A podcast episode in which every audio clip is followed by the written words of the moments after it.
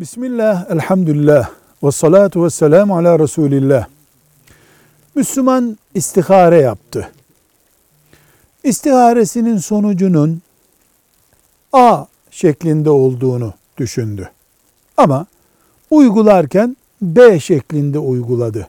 Dolayısıyla istiharesinin sonucuna ya da sonucu zannettiği duruma aykırı davranmış oldu. Günaha girer mi? Cevabımız bir cümledir. Allah'ın ayetine, peygamberinin hadisine aykırı davranan hata etmiş olur, günaha girmiş olur. Öbüründen günah olmaz. Velhamdülillahi Rabbil Alemin.